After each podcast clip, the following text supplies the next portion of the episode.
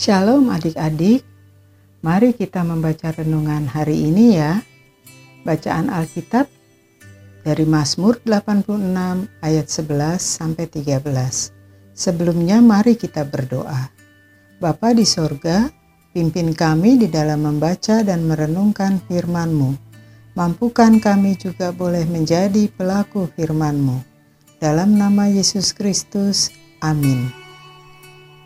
Tunjukkanlah kepadaku jalanmu ya Tuhan, supaya aku hidup menurut kebenaranmu.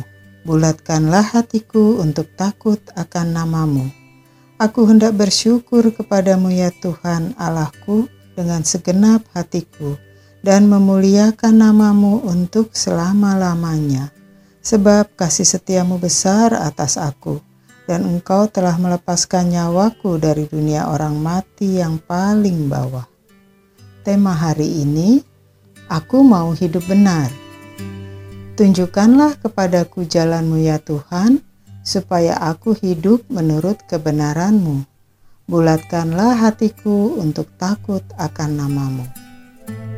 Pada suatu hari, ada seorang kakak dan adiknya sedang bermain bersama. Tapi tiba-tiba mereka mulai berebut mainan.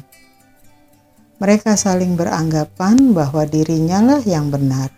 Oleh karena itu, mereka tidak mau mengalah dan saling tarik-menarik. Menurut adik-adik, berebut mainan itu perbuatan benar atau salah, ya? Lalu, apa yang harus kita lakukan untuk bisa bermain bersama lagi? Apakah adik-adik tahu bahwa kita bisa menggunakan tiga kata ajaib untuk mengatasi situasi macam ini? Kata-kata ajaib itu ialah maaf, tolong, dan terima kasih.